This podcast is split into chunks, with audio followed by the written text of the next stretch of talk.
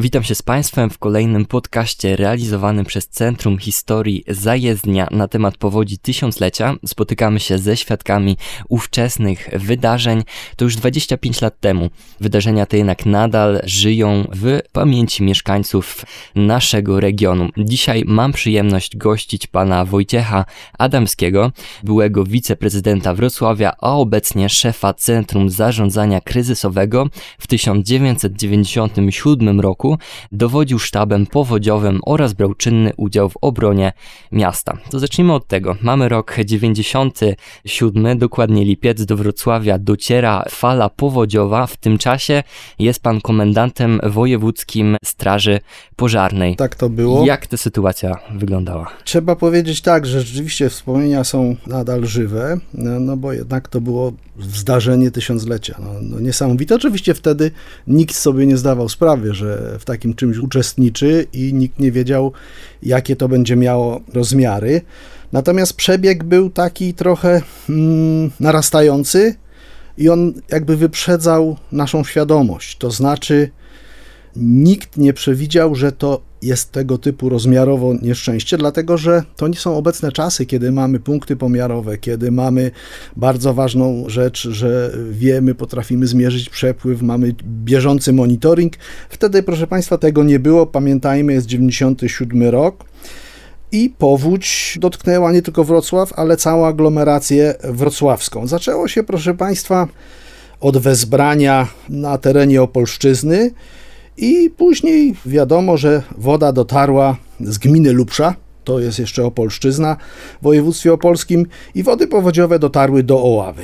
Oława, trzeba powiedzieć to otwarcie, dość skutecznie obroniła się przed tą katastrofą, natomiast miejscowość Śliechnice w gminie Święta Katarzyna została całkowicie zaskoczona i już trzeba pamiętać wtedy pierwsze ewakuacje helikopterami i to już był wielki szok i dla mieszkańców i dla dowódców akcji ratowniczych trzeba było używać helikopterów, zdejmowaliśmy ludzi z dachów. To trzeba o tym pamiętać. E, w okolicach Siechnicy doszło w nocy z 12 na 13 lipca do przerwania obwałowań. I wtedy woda przelała się przez te obwałowania i stąd wody powodziowe Odry doliną rzeki Oławy, bo to trzeba pamiętać, że to taki był kierunek, czyli wody z Odry doliną rzeki Oławy dotarły do Wrocławia. I proszę Państwa, dotarły od strony ulicy Trauguta, bo dzisiaj wszystkim się wydaje, że wały popękały i woda wlała się do Wrocławia. Nie, proszę Państwa. Doliną Odry wody dotarły na ulicę Trauguta, zatapiając po drodze m.in. Siechnicę, Świętą Katarzynę, Radwanicę, stację zaopatrzenia Wrocławia w wodę na Mokrym Dworze, a następnie wody powodziowe przepłynęły głównymi ulicami Wrocławia, Krakowską, Trauguta i Kościuszki do Placu Społecznego Piłsudskiego, do Placu Legionów i potem przez Wyspę Słodową, Piaskową, podobnie w kierunku Odry i zaległy na Szczepinie, dlatego że no już tam nie było możliwości powrotu do koryta ograniczonego wałem, tylko woda była z drugiej strony. To był taki przebieg. Nie wszyscy sobie zdają sprawę, że doszło troszkę do kuriozalnej sytuacji, tak? bo woda została zatrzymana na Szczepinie, ale po drugiej stronie wału. Czyli tak naprawdę należało wał rozkopać, żeby wodę wpuścić z powrotem do Odry, tak? Więc tak to wyglądało. Drugim nurtem wód powodziowych było przelanie się wód przez śluzę Bartoszowice. Proszę Państwa, śluza Bartoszowice została zaprojektowana na 50 m3 wody na sekundę. Płynęło mniej więcej między 200 a 300 i pamiętacie Państwo, pewnie ci starsi pamiętają, że była propozycja przerwania wału w Łanach. Dlaczego? Dlatego, żeby nie rozwalić Bartoszowic. No niestety decyzja nie została wykonana, albo no nie do końca, że tak powiem. I na urządzenie, które ma przepustowość 50 m3 na sekundę, trafiło 200 do 300 m3 na sekundę. Budowla została zniszczona. No i z tego powodu zostały zalane przemysłowe kowale, ulica Toruńska, Kromera, a także osiedla domów jednorodzinnych. I aby za Stocznią Rzeczną ponownie przebić się poprzez obwałowanie, to woda zrobiła i powróciła poprzez kanał żeglugowy z powrotem do Odry, czyli znowu zatoczyła koło przez miasto i przez kanał żeglugowy z powrotem trafiła do swojego koryta, czyli do Odry. I teraz tak duże wody w Dolinie Widawy spowodowały również podtopienie gminie Długołęka, a w efekcie, i znowu tu, proszę Państwa, ciekawostka hydrologiczna, ja może zbyt głęboko w szczegóły wchodzę, ale w efekcie tak zwanej cofki psie pole zostało zatopione nie bezpośrednio wodami powodziowymi, ale cofką z Długołęki. Czyli zobaczcie, ile tu kierunków przepływu, i teraz w takich okolicznościach skoordynować czy układanie worków, czy ewakuację ludzi było bardzo, bardzo trudno. Natomiast trzecim bardzo istotnym elementem powodzi we Wrocławiu, i to pamiętam jak dzisiaj, było rozerwanie wału między Zoo a Jazem Szczytniki. To z kolei doprowadziło do przerwania wału w trzech miejscach i zalania osiedla Zacisze i Zalesie. A więc zobaczcie, jak to wszystko idzie. Przepełnione zostało koryto Odry od elektrowni do Rędzina w okolicy portu Popowice, a z kolei to doprowadziło do zalania przyległych ulic i całego Starego Kozanowa. Czyli znowu nie od strony Odry, tylko poprzez ulicę, poprzez przerwanie wału w zupełnie innym miejscu. Kolejnym takim bardzo ważnym elementem były tak zwane cofki wody na dopływach Odry. To znaczy Odra miała dużo wyższy poziom niż dopływy. Odra zamiast przyjmować wodę z tych rzek, po prostu wpychała tą wodę do tych swoich dopływów. I zalanie osiedla Kozanów nastąpiło z powodu zabezpieczenia oczywiście osiedla wałem od strony Ślęży, ale to są wody z Odry, które przez cofkę poprzez Ślężnę wpłynęły na Kozanów. A więc, proszę Państwa, to jest bardzo skomplikowany układ hydrologiczny. Następnie zostały z tego też powodu podtopione maślice. Zalanie oczyszczalni ścieków na Janówku spowodowała z kolei cofka poprzez Bystrzycę. Czyli znowu wody Odry poprzez Bystrzycę zalały oczyszczalnie ścieków na Janówku. No i oczywiście stały się one też przyczyną podtopień na obszarach gmin całej aglomeracji, bo trzeba pamiętać, że to nie tylko Wrocław ucierpiał. Wtedy y, myśmy to nazwali pierwszą falą. Ona się właśnie tak skończyła. No i mamy zalane 31% Wrocławia. W domach mamy ludzi i trzeba tym ludziom dowieść wszystko. Leki przeciwcukrzycowe, leki na bardzo trudne choroby, wyżywienie. Może jak jesteśmy przy ludziach, to mm, z tego co czytałem, mm, było wiele osób, które postanowiły, że jednak nie będą opuszczać swoich domów, swoich mieszkań, nie będą się ewakuować. Rozumiem, były bardzo przywiązane do tych swoich e, Nie, myślę, że to, że to nie ten powód. Chciały bronić? Nie, nie, nie. To, to tu były kilka przyczyn, ale podstawowa przyczyna była taka, że to nie szła fala uderzeniowa, bo wszyscy sobie wyobrażają powódź Czasami tak jest. Idzie fala, patrzymy 400 metrów przed nami, czy kilometr przed nami, fala 4 metry biorę wali, nogi zapas, biorę uciekam. nogi zapas i uciekam. Nie, tutaj poprzez kanalizację, poprzez kratki ściekowe pomalutku woda się podnosiła, najpierw do poziomu piwnic, później do poziomu pierwszego piętra, tak jak na Kozanowie mhm. i tak dalej, i tak dalej. I wtedy tych ludzi już z zalanych mieszkań to myśmy łodziami ewakuowali gdybyśmy potrafili przewidzieć poziom zalania, to byśmy dali komunikat: ewakuujcie się do pierwszego, drugiego, trzeciego piętra. Tu na szczęście pomoc sąsiedzka okazała się bardzo skuteczna. Oczywiście straty były duże, ale nikomu nic się nie stało, dlatego że ludzie po prostu poszli klatką schodową do sąsiadów wyżej i, i, ten, moment, i ten moment przeczekali. Później trzeba było im oczywiście pomóc. Straż pożarna miała mocno rozwinięte tak zwane ratownictwo wodne. Mieliśmy sporo łodzi w opinii, i tu przepraszam, bo mówię o formacji, którą wtedy dowodziłem i za którą odpowiadałem, ale w powszechnej opinii, ja moim kolegom jestem bardzo za to wdzięczny, była to jedyna służba, która od początku do końca zachowała prężność, system dowodzenia, możliwość niesienia całodobowej pomocy i w zasadzie były takie momenty, że tylko Straż Pożarna, wojsko oczywiście, tu z pełnym szacunkiem, bo nam bardzo pomagali, ale tą siłą dowodzącą, do której zwracali się ludzie, do której dzwonili, czy w sprawie leków, czy w sprawie wyżywienia, czy w dowolnej sprawie, wszystko to na siebie wzięli strażacy i tu też trzeba powiedzieć, że ta pomoc napłynęła do nas z całej Polski. To nie tak, że to wrocławcy i dolnośląscy strażacy zrobili. System dowodzenia w Straży Pożarnej jest mocno scentralizowany i on polega na tym, że żadne województwo na wypadek katastrofy nie ma wystarczającej ilości sił i środków. Po to są tak zwane siły pomocy wzajemnej, że z innych województw, które nie są objęte, robi się wtedy mobilizację, przechodzi się ze służby 24 na 48 na służbę ciągłą i mamy trzy razy więcej strażaków w służbie niż normalnie. Oczywiście potem trzeba za to zapłacić, to jest oczywiste. W związku z tym mieliśmy kilka tysięcy tysięcy. kryzysowa tak, sytuacja, tak, nie myślimy wtedy, o pieniądzach. Wtedy myślę, nie myślimy o pieniądzach. Jako pierwszej rzeczy. Tak jest. Więc e, ta ilość kilku tysięcy strażaków, którą komendant główny ówczesny Straży Pożarnej skierował do Wrocławia, ona działała pod moim kierownictwem, mogła być skierowana do każdej tak zwanej komendy Straży Pożarnych. Tu dla Wrocławia to była Komenda Miejska Państwowej Straży Pożarnej, a więc każdy dostał pomoc. I wtedy nazwijmy to akcja już typowo pomocowa ludziom, polegająca na tym, żeby im ten trudny okres spowodowany tym wszystkim, o czym powiedziałem, tymi przepływami, żeby im umożliwić życie. Ja jeszcze tak tylko w celach informacyjnych powiem, że tak, jeżeli chodzi o Wrocław, to terenów zalanych to było 31%, czyli jedna trzecia Wrocławia była pod wodą a straty, jakie Wrocław poniósł, to było 99% budżetu. Budżet wtedy wynosił około 800 milionów złotych, straty wyniosły 709 milionów złotych. Nadal niewyobrażalne. Tak, w samym Wrocławiu.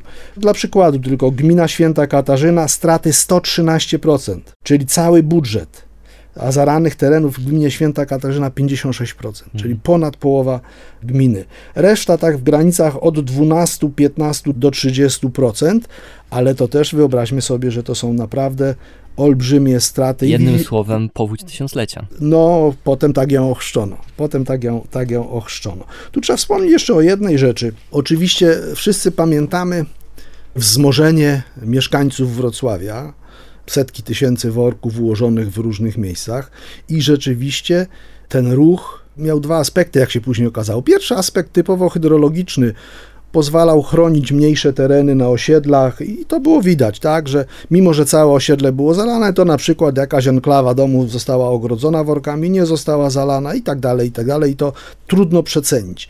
Ale najistotniejsze było to, że powstała jakby nowa tożsamość wrocławianina. Mhm. Mimo, że to było nieszczęście, to było niesamowicie jednoczące, to do dzisiaj wszyscy podkreślają i w zasadzie urodził się duch wrocławski, tak? Trzeba to powiedzieć, że wielka no, wdzięczność wrocławianom, ale cecha taka, która się nagle pojawiła, że my potrafimy wyjść, napełnić 100 tysięcy worków piachem, nie pytać się o czas, nie pytać się, kto nam kazał, kto nam nie kazał, tylko mówimy i robimy. Tu jeszcze o jednej rzeczy chciałem powiedzieć.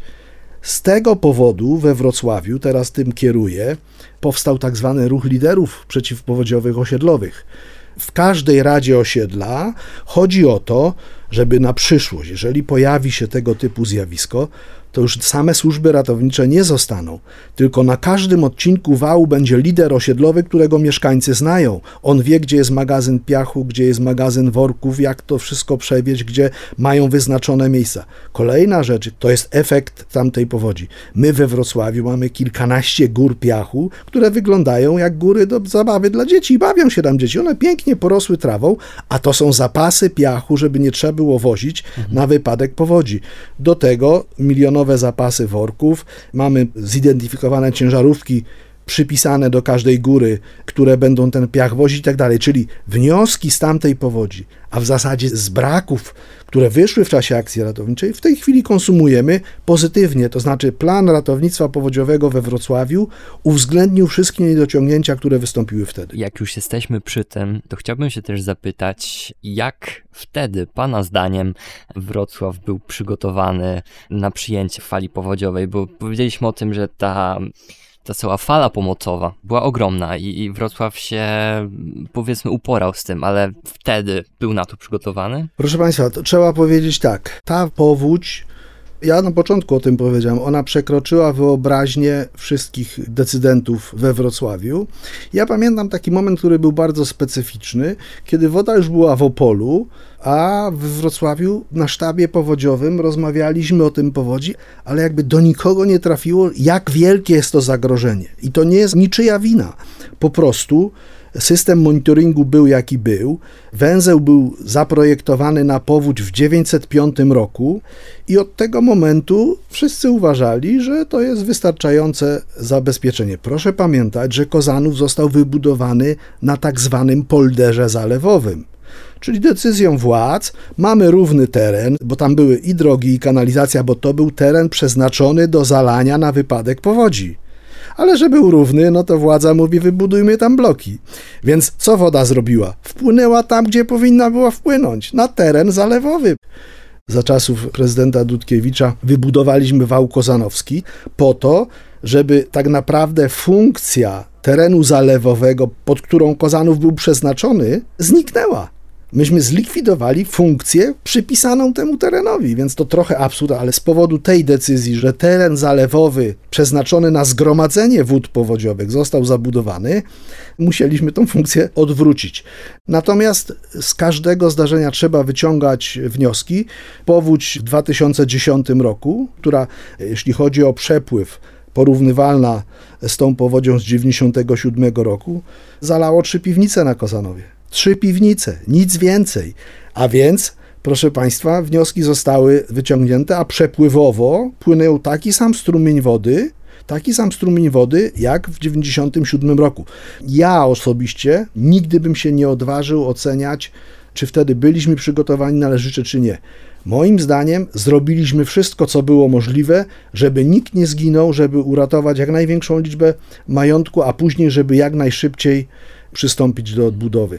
I tu znowu, tylko chciałbym być bardzo dobrze zrozumiany.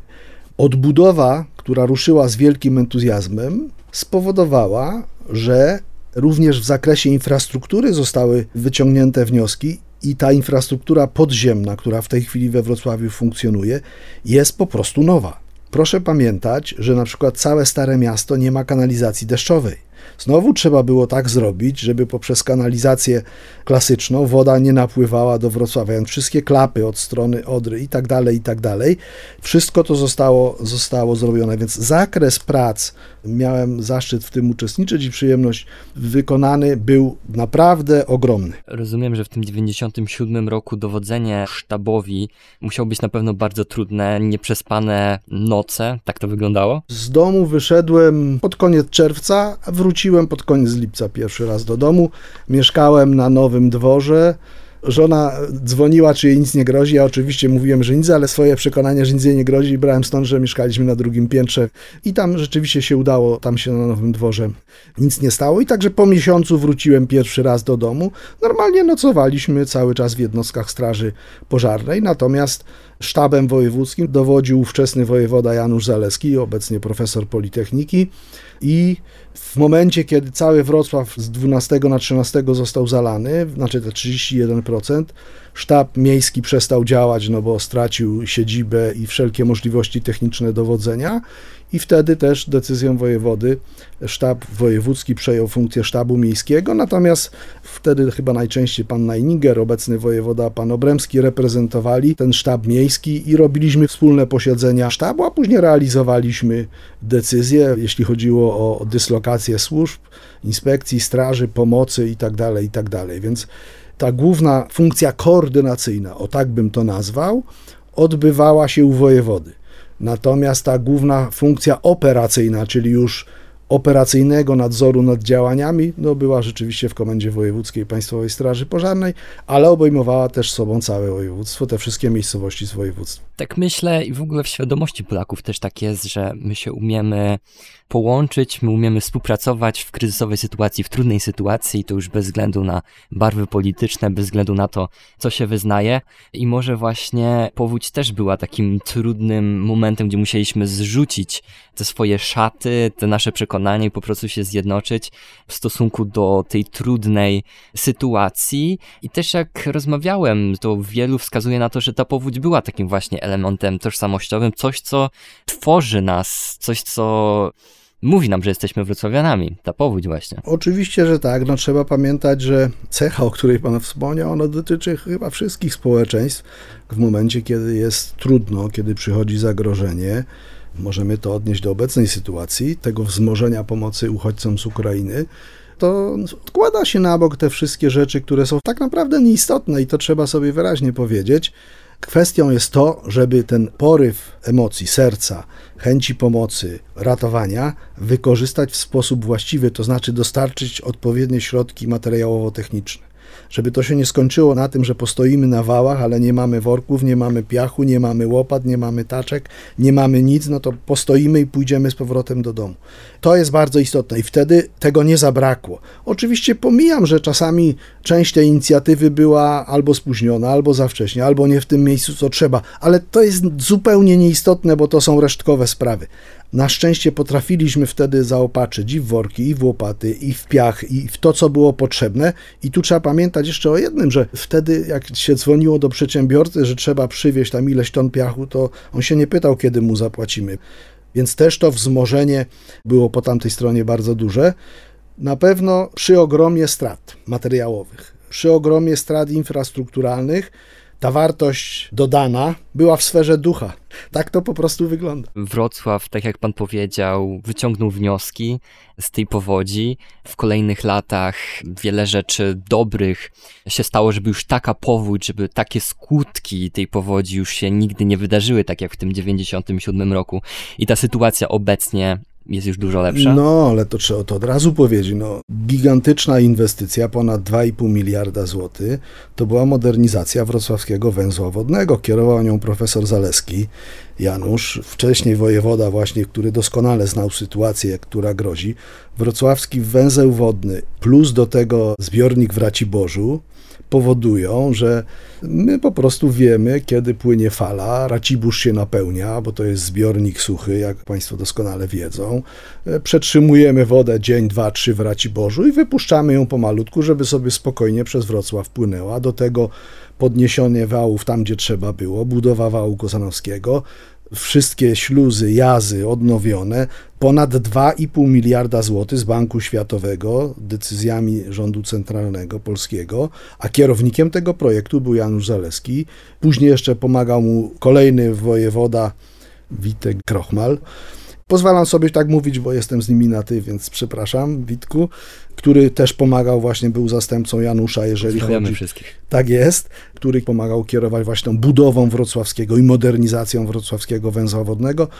I proszę Państwa, dzisiaj płyną czasami wody, może nie aż tak duże jak wtedy, ale też bardzo znaczne, szczególnie kiedy mamy skłonność do takich nawałnicowych opadów.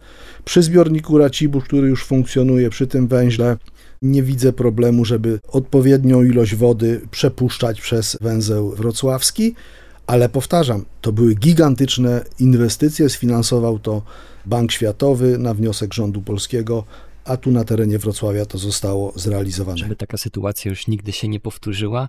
I chciałbym jeszcze się dowiedzieć, czy ma pan jakieś takie osobiste wspomnienie, coś, co panu najbardziej zapadło w pamięć, właśnie z tego 97 roku, coś, co do pana często wraca, czy tak sobie pan pomyśli o powodzi, tak, to jest właśnie ta historia, o której chciałbym opowiedzieć, to mi właśnie przychodzi na myśl, tym chciałbym się podzielić. Sytuacja była bardzo prozaiczna.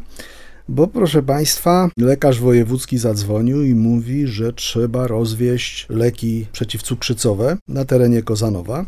My mówimy, dobrze, no chętnie rozwieziemy, mamy tam kilkanaście łodzi, ale prosimy o adresy, nazwiska. Nic takiego nie było. Dziś oczywiście w systemach komputerowych jest wszystko i pewnie byśmy taką listę dostali. I proszę sobie wyobrazić, że na naszą prośbę zgłosiło się z okolicznych aptek, no bo gdzie mieszkańcy Kozanowa kupują? W okolicznych aptekach. Udało się dotrzeć do administracji tych aptek i dostaliśmy nazwiska, adresy. Potem już e, po tej pierwszej moi ludzie podpływali pod budynek i pytali się, czy jest ktoś, kto potrzebuje jakichkolwiek, jakichkolwiek leków. Czyli takie improwizowane zasięgnięcie informacji powoduje, że można nieść pomocy. Po wielu, wielu latach, jak teraz tworzymy różne systemy informatyczne, to one są nawet efektem tych, nie dociągniesz złe słowo, wtedy nikt o tym nie myślał, faktycznego stanu, jaki wtedy był. Natomiast to, co w drugim punkcie powiem, to pewnie wszyscy powtórzą. Naprawdę, jak się przyszło do grupy 100 czy 200 osób, y, ja pamiętam taką sytuację na wałach Odry, to czuć było to wzmożenie tego ducha, tą chęć pomocy, no i takie zaangażowanie czego wcześniej raczej się nie wyczuwało, czyli jednak ludzie powiedzieli, jesteśmy razem, nie? I, I, to było chyba największe przeżycie. Taką pozytywną puentą, myślę, możemy tą rozmowę zakończyć. Tak jak zostało powiedziane, możemy czuć się spokojnie, na pewno o wiele spokojniej e, teraz niż w roku 97, ale tak jak mówiliśmy, ten rok 97 na pewno jest takim elementem tożsamościowym dla wielu e, Przełomowym w, w, tym, w tym zakresie, to na pewno. Natomiast też trzeba pamiętać o jednym, że wszystko, co robimy, żeby zapewnić bezpieczeństwo wrocławianom, bierze się oczywiście z tego zdarzenia i tak dalej, ale również bierze się z tego, że wreszcie dołączyliśmy do Europy. Proszę Państwa, to, że wybudowaliśmy jedno z najlepszych w Polsce centrum zarządzania kryzysowego, gdzie mamy połączone wszystkie służby, inspekcje i straże i koordynujemy te działania ratownicze o czym wrocławianin kompletnie nie musi wiedzieć. To był efekt tego, że byliśmy zobaczyć, jak to funkcjonuje w Londynie, jak to funkcjonuje w Paryżu, jak to funkcjonuje w miastach por, por, porównywalnych. Jeżeli mamy inteligentny system transportu, to proszę sobie wyobrazić dzisiaj funkcjonowanie wszystkich skrzyżowań bez inteligentnego systemu transportu.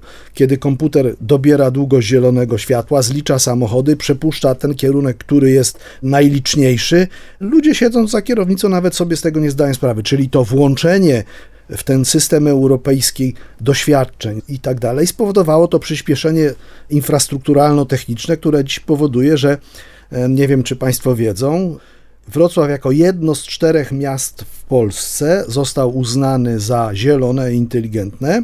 To ma swój wpływ, jak będziemy składać wnioski unijne, jest dodatkowa punktacja, a z takich miast w całej Europie jest 100. W Polsce 4. Jednym z nich jest Wrocław.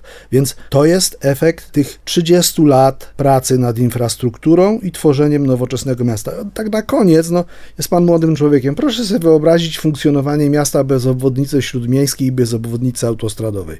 A ja mógłbym książkę napisać o tym, jakie pokonaliśmy przeszkody, żeby obwodnica autostradowa w ogóle mogła powstać. Za tą dzisiejszą rozmowę rozmowę serdecznie. Ja również serdecznie dziękuję. dziękuję. Miałem przyjemność gościć pana Wojciecha Adamskiego w 97 roku, szefa dowodzącego sztabem powodziowym, a obecnie szefa Centrum Zarządzania Kryzysowego. Jeszcze raz dziękuję. Dziękuję uprzejmie.